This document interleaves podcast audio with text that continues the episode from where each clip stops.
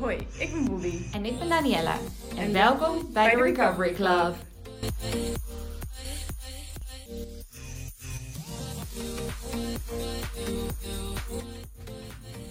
Hallo allemaal, welkom bij aflevering 3 van de Recovery Club. We gaan het vandaag hebben over praktische tips tijdens herstel. Want ja, ik denk dat iedereen die wel nodig heeft en graag wil horen. Maar ehm, we beginnen even met de, de week, de hoogtepunten en de dieptepunten. Hoe was die van jou, Bobby? Die van mij was, eh, ja, mijn hoogtepunt was echt wel een hele leuke roeitraining die ik heb gehad. Ehm, het was gewoon heel fijn, heel gezellig en het ging lekker goed. En mijn absolute dieptepunt was ehm, dat ik vijf uur had geslapen en dat ik toen eh, een hele dag stage had. En dan werk ik met kinderen. En die kinderen zijn echt nog nooit zo druk geweest, geloof ik. Ik denk dat ze allemaal voelden dat ik weinig had geslapen. Dus eh, ja, dat was wel mijn dieptepuntje. Ik was blij toen ik weer naar huis kon, denk ik. kan me voorstellen, ja.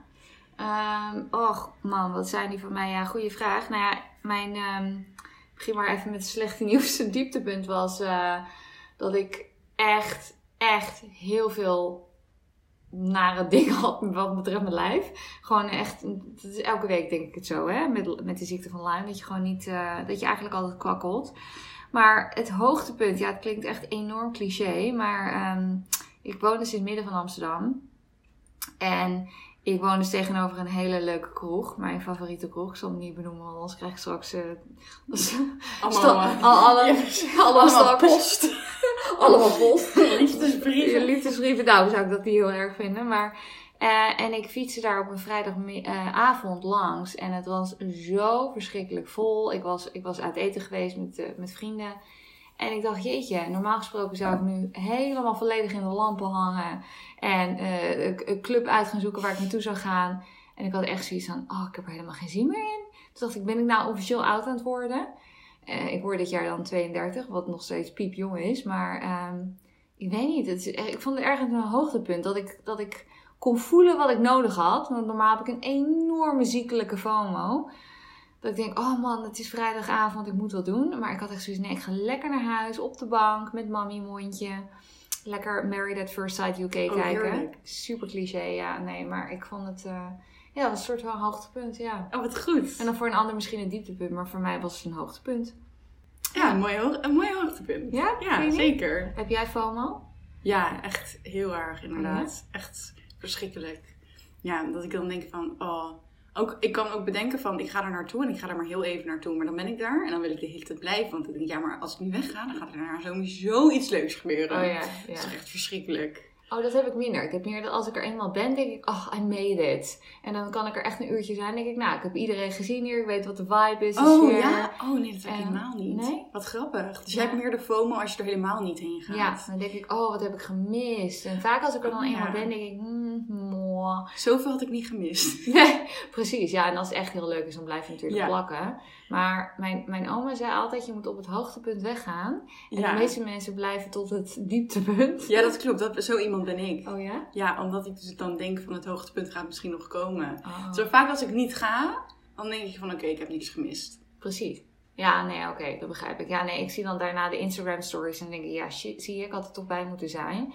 Maar ja, dan hoor je achteraf er, ja, joh, je hebt niks gemist. Nee, precies. Dat, is ook altijd hetzelfde. Ja, het is al, op Instagram is altijd alles mooier dan, eh, dan in het echte leven. Maar goed, ja, nou ja, oké, we hebben allebei FOMO. Je zou toch denken dat na corona, of door corona, dat niemand dat meer heeft, hè? Ja, hè? Eigenlijk wel. maar het Dat is je allemaal zo teruggegooid bent op jezelf. Ja, Ja, ik denk inderdaad dat het versterkt is. Omdat mensen nu nog meer zoiets hebben van... Ik wil echt wel... We hebben het zo lang niet gehad. Nou moet ik overal bij zijn. ja. Ja. Nee, ik ben een soort van meer gaan isoleren. Dat ik denk, oh, ik, ik trek het niet meer, al die prikkels. Ja. Bizar. ja, ik hield sowieso altijd wel van op mezelf zijn. Ja, ik ook. Ik, eh, altijd die balans hebben we ja, volgens mij allebei heel erg nodig, Ja, hè? zeker. Ja, nou ja, anyway. Oké, jongens, we gaan naar de eh, tips. We zijn, hadden zoiets van, we willen iedereen een soort van handvaten geven in herstel. Want ik denk dat dat, ehm, ja, heel handig is. Aangezien wij zelf natuurlijk allebei, en eh, ik heb dan een eetstoornis gehad. Ja, ik kan nog wel zeggen dat je Een eetstoornis hebt. ja, een eetstoornis hebt. Dus ehm, Wil jij met uh, eentje beginnen? Ja, ik wil wel beginnen met um, de rigiditeit loslaten. In bijvoorbeeld het eetmomenten hebben en in de soort eten die je hebt. Dat was voor mij echt een heel erg groot ding. Iets wat ik ook echt heel lang nog vast heb gehouden. En ik denk dat ik inmiddels wel durf te zeggen dat ik daar echt steeds meer vanaf kom, zeg maar. Uh, en daar losser in word. Ja. Dus uh, dat lijkt me wel mooi om te bespreken. De rigiditeit, ja. Nee, dat is wel iets wat een eetstoornis natuurlijk eigenlijk helemaal omvat, hè? Ja. Alleen maar eetregels. En heel veel mensen denken nog steeds, ja, een eetstoornis houdt in dat je meer moet gaan eten. Nee, ja, onder andere. Maar uiteindelijk zit het hem in de kleinste dingen die opgeteld natuurlijk hè, tot iets groters maken. En dat is altijd waar ik heel erg naar vraag. Van oké, hoe zit het met de eetregels. Welke eetregels heb je eigenlijk? En als we het hebben over rigiditeit, dan kan je een voorbeeld ehm, nemen, bijvoorbeeld van altijd op dezelfde tijden moeten eten. Um, eten uitstellen, om zo min mogelijk eet, eetmomenten te hebben. Um, van dezelfde borden eten, met hetzelfde bestek, van hetzelfde kopje drinken, op een bepaalde temperatuur. Als het te heet is, dan is het, is het niet goed. Als het te koud is, is het niet goed eigenlijk het eten moet voor de eetstoornis perfect zijn. Ja, want anders is het zonde. Anders is het zonde van de calorieën tussen haakjes. En um, ja, je wilt er eigenlijk vanuit je eetstoornis alles aan doen om dat te voorkomen. En dat is denk ik wel wat, uh, wat die rigiditeit omvat. Ja, ook gewoon heel erg dat toch nog een manier vinden om die controle te houden. En controle uit ook toch op je lichaam. Um, het doet misschien niet visueel iets met je lichaam. Je lichaam gaat er niet anders door uitzien. Maar als je lichaam zegt van ik wil om vier uur eten en jij zegt nee, zes uur is een goede tijd. Dan, dan ben je natuurlijk nog steeds eigenlijk je lichaam aan het proberen te omzeilen. Mhm. Ehm, maar wel op een heel sociaal geaccepteerde manier ook. Ik denk dat ik dat ook altijd wel lastig vond. Dat het, zeker in Nederland, het is heel normaal dat je tussen vijf en zes gaat eten. Mhm. Dus dan moest dat ook. Terwijl ja, uh, uiteindelijk, dat is natuurlijk gewoon onzin. En kan je ook om negen uur eens een keer je avondeten gaan eten. En daarvoor lekker snacken. Ja.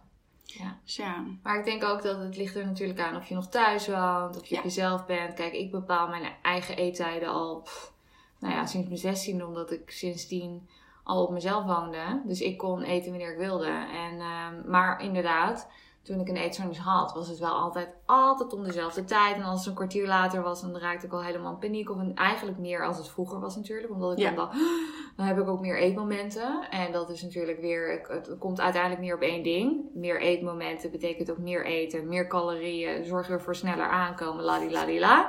Hè? Allemaal is de angst voor aankomen is toch wat onderliggende. Um, maar dat is, kijk, ik, natuurlijk, af en toe als je, laten we zeggen als je een gezin hebt en of je bent part of a family, dan zal je inderdaad je aan vaste tijden moeten houden. Want ja, de kinderen moeten op een bepaalde tijd eten. Dus dat, dat is gewoon heel normaal. Alleen dat betekent niet dat je daaromheen niet de dingen kan doen die jij zelf wilt. Dus ik bedoel, alleen al als je studeert of school hebt, dat zal jij ook er hebben. Dat, um, dat je gewoon een bepaalde tijden moet houden wanneer je pauze hebt. Toch? Ja, precies, zeker. Ja. Je, uiteindelijk kom je er niet je, je kan er niet omheen. Er is gewoon een ritme in, in de Nederlandse maatschappij, in je gezin waarschijnlijk, in je werkende leven, je studerende leven. Dat ritme is er gewoon en daar uh, dien je op een bepaalde manier ook aan te houden. Maar dat doorvoeren tot in het extreme, dat is natuurlijk eigenlijk wel onderdeel van de eetstoornis. En um, ja, dat is goed om, om los te gaan laten. Ook om te zorgen dat het uiteindelijk niet tot paniek leidt. Natuurlijk kan het zo zijn dat je op de meeste dagen om zes uur zult eten. Maar je moet niet in de stress raken omdat je een keer om vijf uur moet eten. Of een keer om acht uur pas gaat avond eten. Dat, dat moet ook gewoon kunnen. Ja. En wat mij daarin heel erg heeft geholpen is om dingen echt gewoon compleet om te draaien. Niet uh, vijf minuten later maar avondeten gaan eten. Hoewel dat trouwens ook heeft geholpen.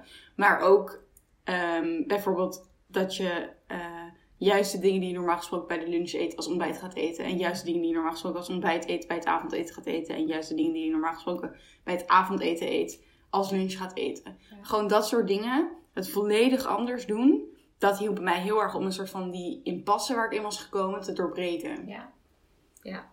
Nou, het is heel simpel. Opposite actions eigenlijk. Ja, hè? Precies. Echt elke keer weer tegenovergesteld doen van wat je eetstoornis wilt. Dus voel jij weerstand richting, inderdaad, laten we zeggen, pannenkoek eten, voor de lunch of voor het avondeten, ik noem maar even een simpel voorbeeld. als jij weerstand hebt en het antwoord is, hè, heb je weerstand ja, oké, dan moet je dat gaan doen. Ja. Dat is een eetregel. En die eetregels die voelen inderdaad heel erg ehm, onschuldig vaak. Omdat inderdaad we leven in een maatschappij waarin dat allemaal heel erg wordt genormaliseerd en versterkt. Maar daarin moet je jezelf dus heel serieus nemen dat jij hebt een eetstoornis. En een normaal persoon zonder eetstoornis, die kan dat soort dingen doen zonder dat dat echt rigide wordt. Die kan makkelijk zeggen, oké, ik ga een week met vrienden weg. Ik laat het lekker allemaal los. Ik ga eten wat los en vast zit. Whatever, zonder paniek. iemand met eetstoornis, die vindt dat natuurlijk heel moeilijk als je dat niet hebt getraind. Ja. Dus dat is wel echt een ding. Dus act as if it's not a thing. Act as if it's not a fear. Oftewel, doe alsof het geen angst is. En door, het, door eigenlijk te blijven luisteren naar je eetstoornis, hou je het ook in stand, hè? Ja. Ja, en eigenlijk daarin gewoon een soort van challenges voor jezelf te maken. En echt, ehm, ja, gewoon specifieke uitdagingen aan te gaan. Probeer het maar eens een keer een dag of een week uit. Kijk maar eens wat er gaat gebeuren als je het volledig anders gaat doen. In plaats van eh, op de manier waarop je eetstoornis het altijd al wil met hetzelfde ontbijt. Mhm. Dat is ook iets wat, wat we echt heel vaak zien voor, eh, voorbij zien komen. Is dat mensen iedere dag hetzelfde eten. Ehm, en natuurlijk kun je ergens een voorkeur voor hebben. Maar ga bij jezelf, als je in herstel bent van een eetstoornis, wel na van... Doe ik dit omdat ik dit echt heel erg lekker vind en hier iedere dag zin in heb? Of doe ik dit omdat ik het eigenlijk gewoon heel eng vind om iets anders te gaan doen? Ja. En als het antwoord het tweede is, dan is de tip ook... Ga dan iets anders doen. Ja. Ja, nee, het is een heel, heel goed voorbeeld. Want mijn, eh, ik, ik ken heel veel mensen die jaar in jaar uit echt letterlijk hetzelfde ontbijt eten. Ja. Zonder eetstoornis dan, hè. En mijn moeder is er eentje van. Maar als ik tegen mijn moeder zou zeggen... Mam, sorry, we hebben dit, dat of dat niet in huis. Niet dat we samenwonen, maar even een voorbeeld. En ze zou iets anders moeten eten. Totaal geen enkel probleem Precies. En dan is het helemaal prima. Dat, ja, ook, ook- soms is het ook gewoon gemakkelijk om iedere dag hetzelfde ontbijt te eten. Ja. Ehm, maar inderdaad, als het stress op gaat leveren op het moment dat het niet kan, of dat er iets anders is, waardoor je eh, een keer iets anders zou moeten of zou willen, dan, dan is het iets om uit te dagen. Precies, ja.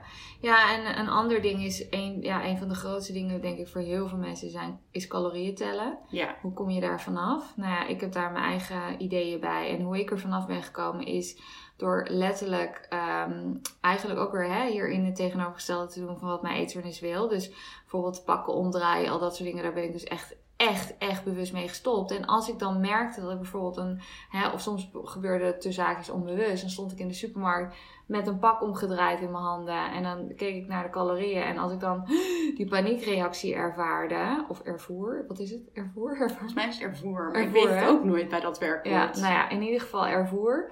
Um, dan wist ik, oké, dit geeft mij informatie van, oké, dit vindt mijn eetstoornis dus niet prettig. En dus deed ik het tegenovergestelde en pakte ik het juist en legde ik het in mijn mandje. Ja, En door dat elke keer te doen, door echt juist die weerstand op te zoeken wat betreft calorieën. Zoals ik bijvoorbeeld qua tussendoortje altijd wist, oké, ik wil iets onder de, weet ik veel, 200 calorieën, 250 calorieën. Dan ging ik daar bewust overheen. En op een gegeven moment, act as if it's not a thing. Dus ik deed alsof het geen ding was, alsof calorieën geen ding was. Want ik luisterde niet naar wat mijn eetstoornis wilde. Dus mijn eetstoornis gaf mij ook geen reden om daar elke keer aan te denken. Dus ik werd er niet aan herinnerd. Dus op een gegeven moment merkte ik dat ik steeds minder aan het tellen was. Steeds minder eh, de importance van calorieën, zeg maar. ehm, eh, hoe zeg je dat nou? Ik kom even niet af. het belang van calorieën steeds Precies. meer ja, ging zien voor wat het daadwerkelijk was. Een stuk minder belangrijk dan je eetstoornis het maakt natuurlijk. Exact, ja. Dus dat was wel echt heel, ehm, heel fijn om, om dat te merken. Dat dat een, een best wel een simpel trucje was. Dat Ja, die weerstand gewoon letterlijk gaan uitzitten en uitdagen. En dat er in feite niets gebeurde als ik het product ging eten wat meer calorieën bevatte dan wat mijn eetstoornis wilde. Want laten we allemaal heel eerlijk zijn. Een eetstoornis wil dat je zo min mogelijk calorieën binnenkrijgt, toch? Ja, meestal wel. Ja, Ja. of zo min mogelijk vetten of zo min mogelijk suikers of iets Ja. anders waar je het eten aan meet. Maar volgens mij is het inderdaad wel vrij universeel dat mensen inderdaad wel hun eten gewoon zo min mogelijk Ja. willen hebben. Ja. Ja, wat mij daarin ook wel heel erg heeft geholpen was om eh, ook nieuwe producten te kopen waarvan ik niet wist wat er precies in zat. Ja. Ehm, kijk, van heel veel dingen weet ik nog steeds gewoon wat er ongeveer in zit. Maar van het ene merk weet ik het specifiek omdat ik het eh, in mijn eetstoornis heel vaak heb gegeten. En toen altijd keek hoeveel calorieën erin zaten. En van het andere merk weet ik het niet. Misschien zitten er een paar calorieën meer in. Misschien zitten er een paar calorieën minder in.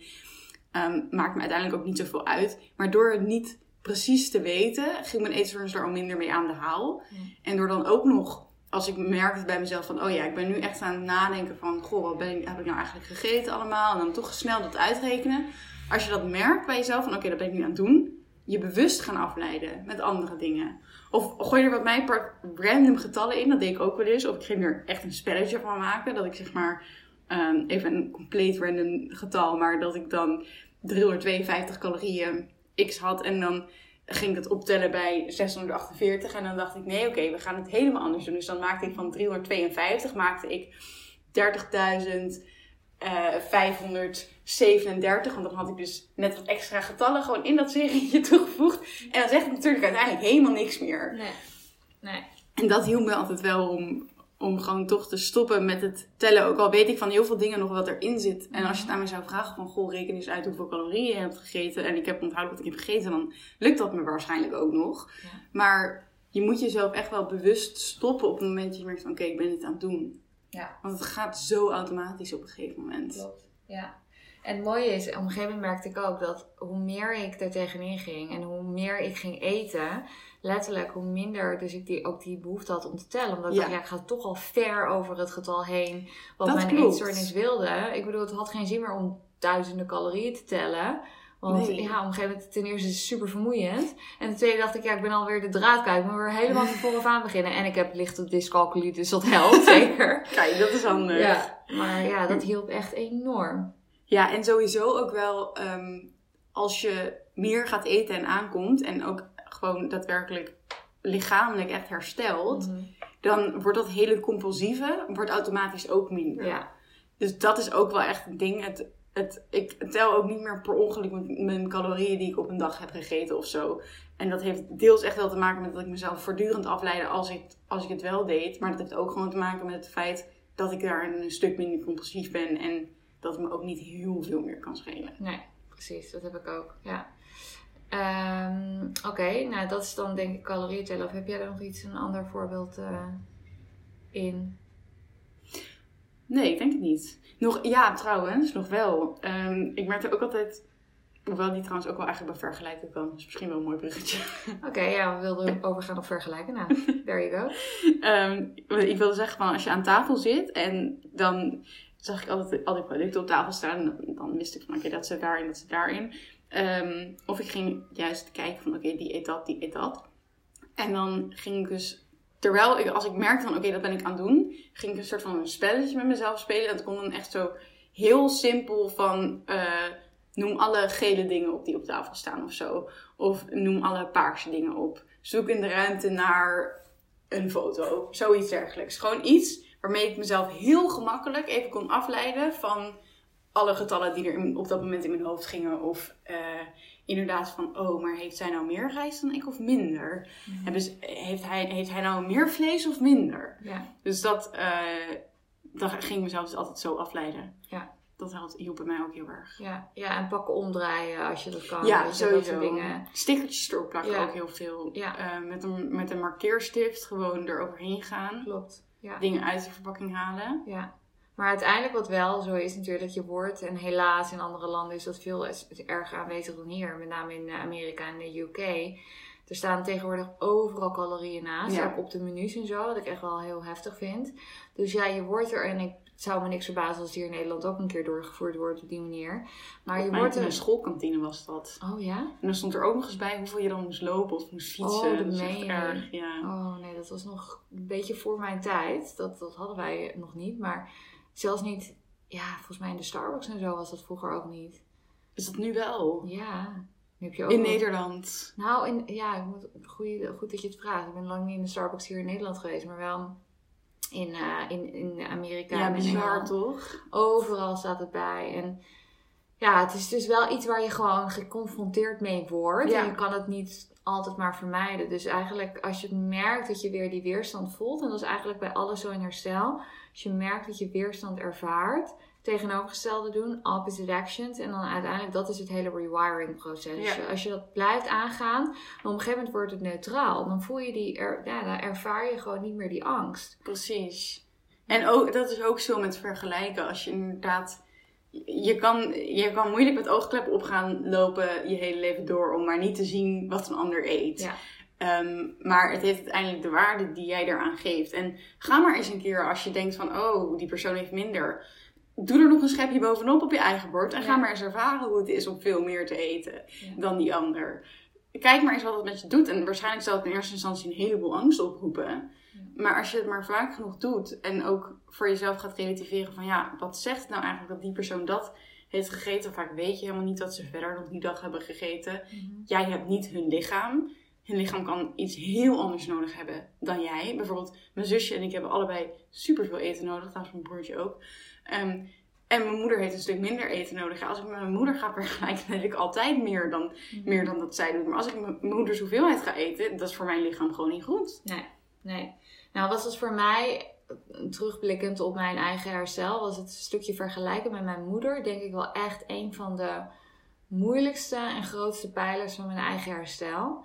En ehm, ik denk niet zozeer dat het echt te maken had met de hoeveelheid. Want mijn moeder, ja, mijn moeder is gewoon een heel klein, petit vrouwtje. En die heeft gewoon echt niet veel nodig. Tenminste, dat zegt ze. En dat, ze eet ook, ik zeg altijd, mijn moeder eet als een baby bird.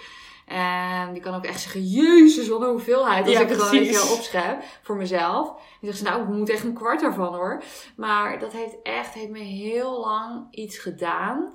Maar ik denk dat het ook kwam omdat ik één als kind was. En Ja. omdat ik altijd te horen kreeg hoe fantastisch, knap en geweldig mijn moeder was.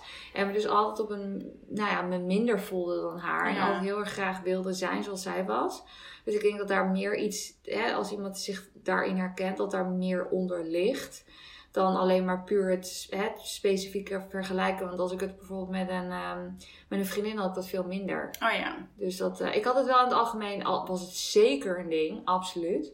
En zeker als iemand dan zei, goh, zo, lekker gegeten. hè?" Ja, die ook hè. En dan eh, vooral in herstel. Als je dan nog met extreme honger zit. Ja. En dan al die, al die mensen die dat soort dingen zeggen. En dan denk je oh, je kan ook gewoon je mond houden. Ja, Echt waar, hou je smoel. ja, Ik hoef niet te weten dat, ik, dat je vindt dat ik veel eet. ja. Ik weet nog heel goed dat ik tegenover, dat was met vrienden van mijn moeder, we gingen uit eten.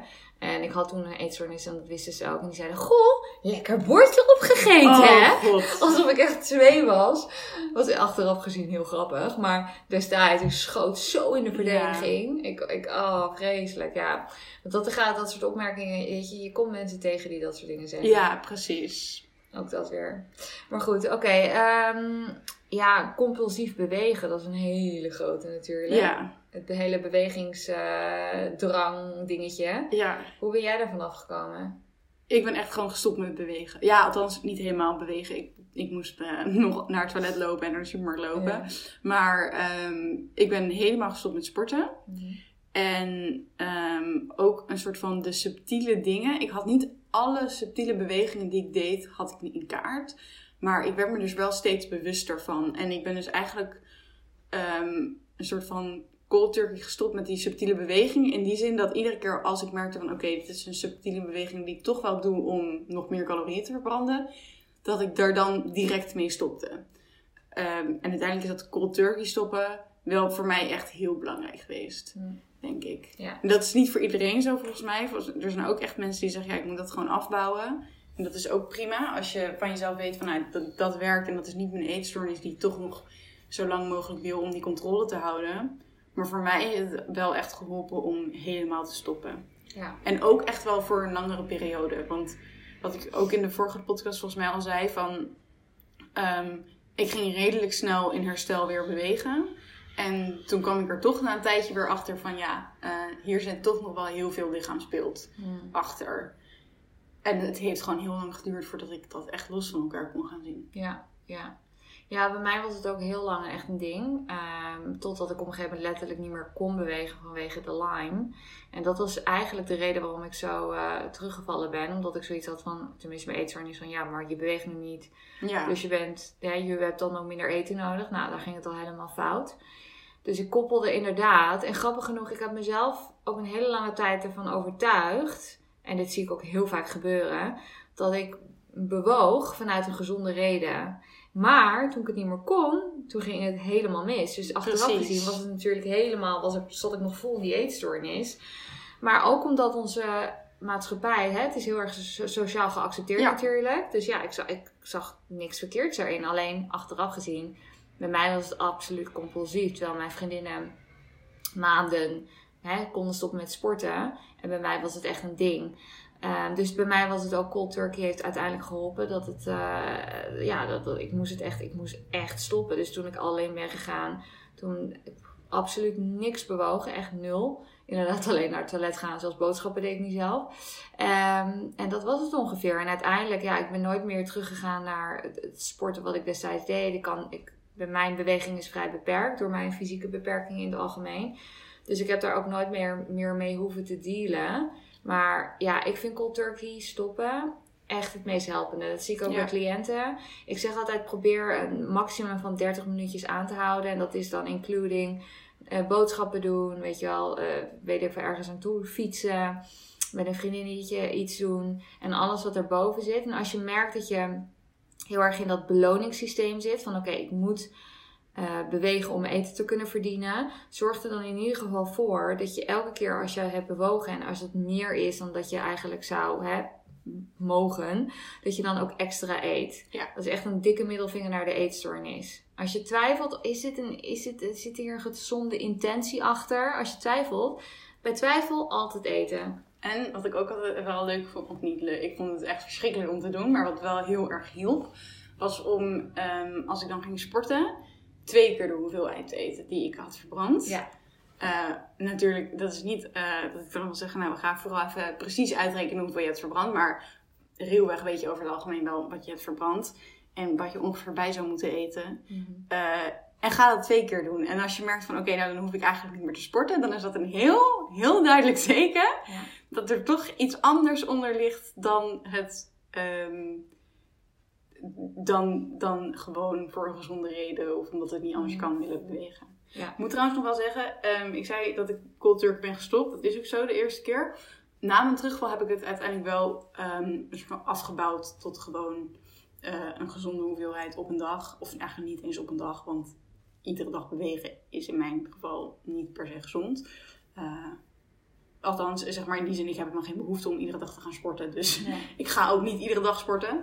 Ehm, toen heb ik het wel afgebouwd. Maar dat was dus wel al, toen was mijn relatie tot sporten al echt een stuk verbeterd. Ja, ja. Ja, het is interessant wat er gebeurt als het, als het wegvalt. Hè? In mijn Ja. geval, ik kan het dus niet meer. Ik, ik beweeg echt heel weinig. En bij mij is er totaal geen link meer tussen... Oké, ik moet dan ook minder gaan eten. Nee. Want ook dat, als je, stel je hebt echt minder nodig, ehm, wat tot op zekere hoogte natuurlijk zo is, dan geeft je lichaam wel aan wat dat is. Absoluut. En wat je nu nodig hebt is je basis. En wat je, als je sport, dat is je basis plus extra wat je sport. Dat is niet, da- dan moet je niet meteen gaan stoppen met je basis eten als, Ja. je, als je stopt met sporten. Precies, nee. Je lichaam inderdaad geeft het heel duidelijk aan. Ja. Oké, ehm, wat hebben we nog meer? Ja, we hebben, weet je, dingen. is, Er zijn zoveel dingen die we kunnen bespreken die wij bijvoorbeeld zelf niet per se hebben gehad. Bijvoorbeeld dingen als spit and chew, eh, braken natuurlijk. Dat zijn al eh, best wel heftige dingen die bij heel veel mensen ook voorkomt. Ja, weet je, de, ook afleiding. Ik zeg altijd, probeer een soort van recovery toolbox te creëren. Ja. Wat betreft afleidingen. Want er gaan sowieso, het, de- niet elke dag gaat van een leien dakje. Er zijn altijd, we zeggen altijd, recovery is not linear. Het is altijd met ups en downs. Dus er zullen altijd momenten zijn waarin je weer even in die, zeg maar, die knee-jerk reaction is dan vanuit de eetstoornis handelen. En weet je, we zijn allemaal mensen, we maken allemaal fouten. Alleen ga er dan bij jezelf na van, oké, wat kan ik inzetten in plaats van? Ja. Dus probeer echt op zoek te gaan naar jouw. Hè, we hebben het hier net ook al over gehad. Wat zijn jouw afleidingen dan? Je moet echt gaan kijken wat helpt jou. Bij mij was het bijvoorbeeld kralen. Ik vond sieraden maken altijd heel leuk. Tot de dag van vandaag. Ik ben heel creatief. Dus dat vind ik echt heel leuk. Neemt ook niet heel veel ruimte in beslag. Je hoeft niet een hele ezel neer te zetten Nee, om te gaan schilderen. Weet je wel. Dus dat vond ik zelf altijd heel fijn. Naar podcast luisteren tegelijkertijd. Dan ehm, sla je twee vliegen in één klap. Serietje kijken. Weet je wel, dat soort Ja. dingen. Ja. Ik vond ook een boek lezen fijn. En wat ik ook wel altijd vond, ehm, als ik met iemand bijvoorbeeld ging bellen of af ging spreken om. Bijvoorbeeld, ik had een online Rummy Cup ook. Maar je kan natuurlijk ook als je met huisgenoten woont, eh, een echt daadwerkelijk een spelletje spelen. Maar iets wat je eigenlijk minimaal voor een bepaalde tijd moest doen. Want dat betekende al dat ik in ieder geval voor dat half uur of hoe lang het zou duren, niet kon gaan sporten. En eigenlijk was bij mij vaak dat eerste half uur of die eerste drie kwartier waren een soort van het heftigst. Die eerste drie kwartier nadat ik had gezegd van ik ga niet sporten, dan was de paniek gewoon het hoogst. En als ik dat eenmaal had uitgezeten, dan kon ik wel weer een beetje verder met mijn dag. En dan had ik nog wel afleiding nodig en ik vond het zeker niet fijn. Maar dan kwam ik er met relativeren wel uit. Mhm. Ja, en ik heb nog een andere praktische tip. ehm, waar ik het net ook al over had. Is dat ik had, deed dat zelf ook. Dat alles heel erg op dezelfde plek moest worden gegeten. Op dezelfde temperatuur van hetzelfde bordje. Met hetzelfde vorkje. Nou, noem het maar op. Dat zie je ook heel vaak eh, bij eetstoornissen. Omdat alles hè, perfecte zaakjes moet zijn. En als het niet perfect is, oh my god. Wat heel erg helpt, is om een andere plek te gaan eten. Ja, Bijvoorbeeld in je huis, als je plek hebt. Kijk, ik woon heel klein, maar ik heb bijvoorbeeld twee eh, eetkamerstoelen. En ik heb zelfs als ik op een andere eetkamerstoel zit, heb ik het gevoel alsof ik in een ander appartement zit, bij wijze van spreken. Het kan een hele kleine verandering zijn, omdat jij die bepaalde associatie hebt met dat bordje. Ook met, met hè, bepaalde eettijden, met bepaalde rigiditeit. Dus kan letterlijk zijn je muur schilderen, van een, op een andere plek gaan eten. Het liefst natuurlijk ook op een andere tijd. Dat zijn ook dingetjes die, ehm, ja, die, die handig zijn ja zeker. Om te doorbreken wat je eigenlijk momenteel doet. Dus dat is eh, ja, iets wat mij heel erg heeft geholpen. Mij ook, ja. Ik ben ook wel, ik eet ook echt niet meer altijd aan tafel. Dat is ook, wordt, oh, dat moet ik zeggen dat dat wel een beetje mijn pet peeve is van klinieken. Ehm, is dat tussendoor ze altijd keurig netjes op een bordje worden gelegd. Oh ja. En de appel altijd precies in partjes wordt gesneden. En dat er altijd aan tafel moet worden gegeten. Mm. Op zi- zich snap ik in een kliniek dat het vrij handig is als er zoveel mensen rondlopen dat niet iedereen op de grond gaat eten. Ja. En dat de schoonmakers iedere vijf minuten moeten schoonmaken. Ja. Maar ehm, voor mezelf, eh, ja, dat werkt gewoon niet. Ik, het is ook gewoon goed als je een appel uit je hand kan eten en eh, een chocoladereep naast je kan hebben liggen. En niet eerst op een bordje een stukje chocolade moet hebben gelegd. Ja. En gewoon af en toe lekker op de bank eten of zo. Oh, ik doe dat echt alleen maar. Ja. Ja, ik moet ook zeggen, als ik wel aan tafel zit, heb ik heel vaak een serie aan staan. Ja, Dus. ja. Nou, dat is wel een hele mooie, want eh, er wordt heel erg, ook vanuit onze maatschappij, gezegd van, oh, je moet mindful eten en het moet allemaal op een bepaald tempo. Nee, juist absoluut niet. Zeker niet als je een eetstoornis hebt of een verleden met een eetstoornis. Eten is gewoon eten. Weet je, het hoeft niet perfect. Het, het is ook vaak staan, tussendoor lopen. Hoe vaak ik wel niet een broodje even snel smeren en tussendoor eet. Ja. Weet je wel? Toen ik hier naartoe kwam nog, ik heb echt Ja. gewoon in de metro maar even een broodje gegeten. Want ik, ik had geen tijd om, om thuis te lunchen, zeg maar. Ja. Het was heel simpel gewoon. Ja, precies. Ja, dat doe ik zo vaak. Gewoon even snel tussendoor, even loop, loop, loop, eet, eet, eet. En toen, oh my god, dat, dat kon ik vroeger, ja, ik kon het wel, maar ik deed het niet. Eh, omdat het allemaal zo perfect moest zijn. Ja. En, eh, ja. Ja, dat is wel heel grappig dat nu ook als je buiten de deur eet, ja, het is niet altijd helemaal fantastisch geweldig. Nee, dat is ook wel wat ik echt... Ik had ehm, uit eten gaan zo opgehemeld. En Ja. toen ging ik het werk weer af en toe uit eten. En toen dacht ik, oh, het is prima. Maar mm, het was niet helemaal wat ik in mijn hoofd had, zeg maar. Dus het is echt wel lekker. Maar in mijn hoofd was het echt van, dat is echt het perfecte eten. En dan, Ja. eh, dat was dan iets waar je zo soort van naartoe leefde of zo. Ja. En toen bleek uiteindelijk van, oké, het is lekker. Het is fijn dat iemand anders voor mij heeft gekookt. Het is super gezellig. Mhm. Maar het is wel gewoon eten. Klopt. Ja. En inderdaad, soms zelfs dat je denkt, oh, ik had liever iets anders gehad eigenlijk. Dat is Ja. niet zo lekker. Maar dat is ook oké.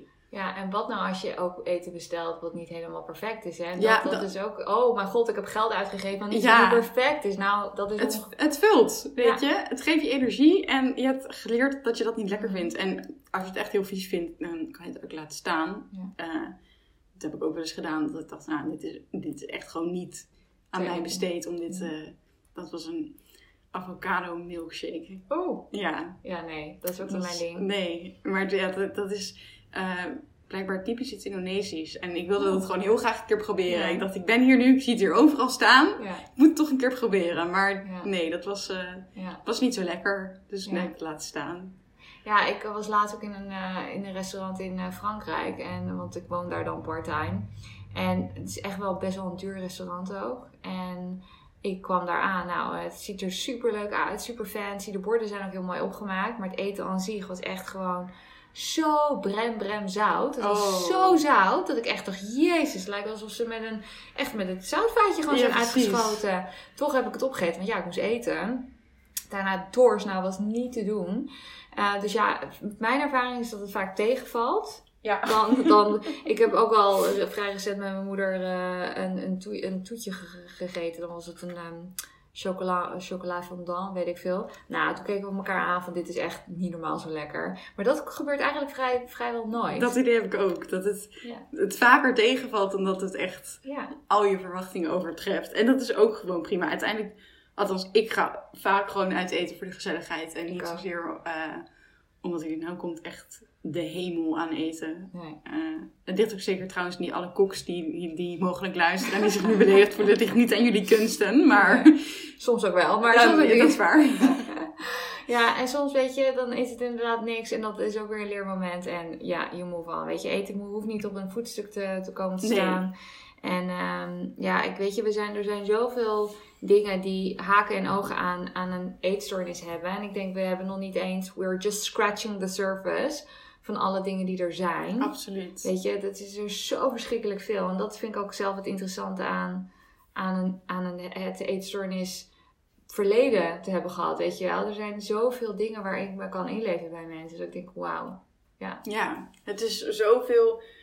Uh, dat vond ik ook altijd. Je weet wel dat een eetstoornis je hele leven beïnvloedt. Maar pas toen ik ging herstellen, mm dat ik merkte van. Oh, dus dit is ook iets eetgestoord. Oh, dit, heeft er, dit, dit beïnvloedt het ook. Ja. Uh, er zijn, het heeft zoveel facetten, zeg maar. Ja. ja, want het zijpelt door. We kregen laatst ook een vraag en die wil ik eigenlijk zo meteen gaan uh, beantwoorden.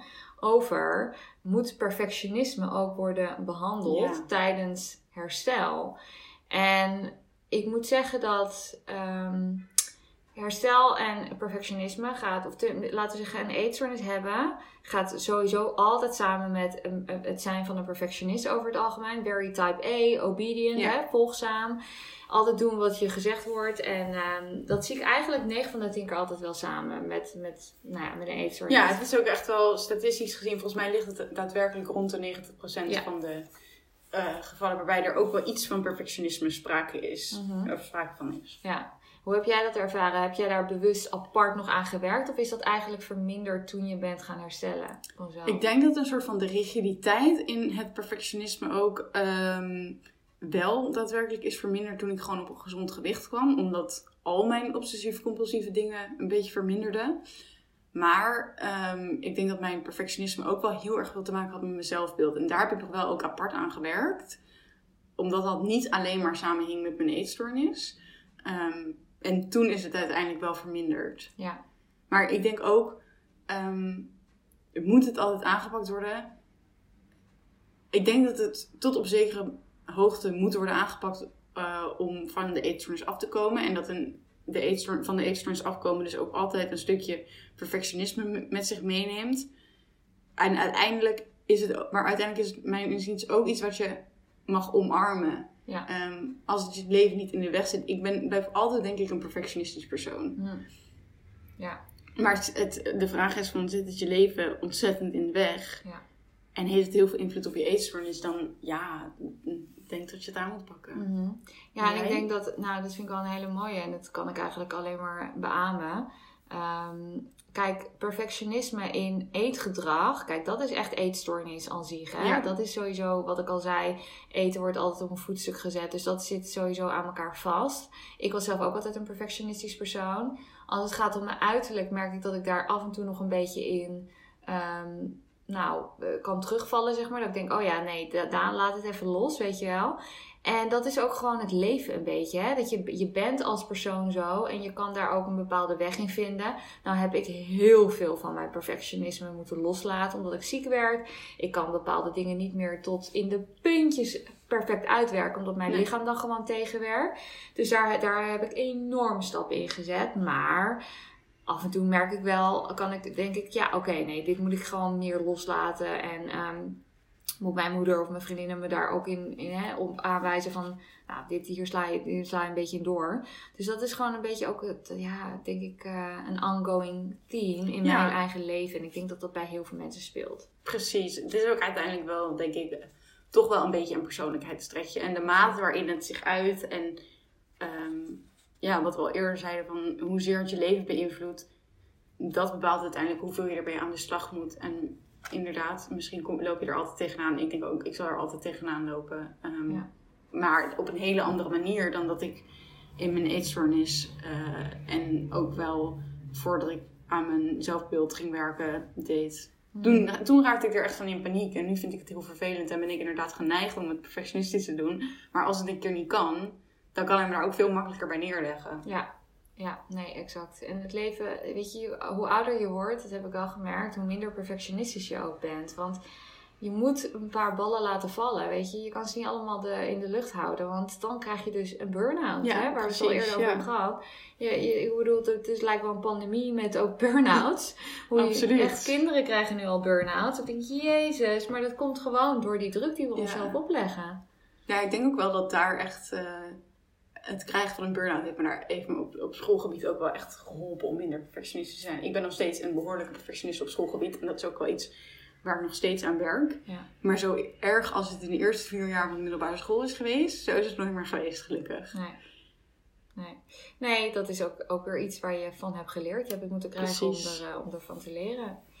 Ja, ik denk dat dit ze wel de belangrijkste wel waren. Hè? Ja. Dat we die wel Ja. hebben aangestipt. Oké, nou ja, dan hebben we ook al de vraag beantwoord met het stukje perfectionisme. Ja, En dan kunnen we gaan afsluiten. Nou, heel erg bedankt voor het luisteren. we hopen dat jullie er wat aan hebben gehad. Ja, en vergeet ons niet te volgen op Instagram op recoveryclub.podcast. En wij spreken... Zijn er volgende week weer. Ja, exact. Doei doeg! Tot volgende week. Doei doeg!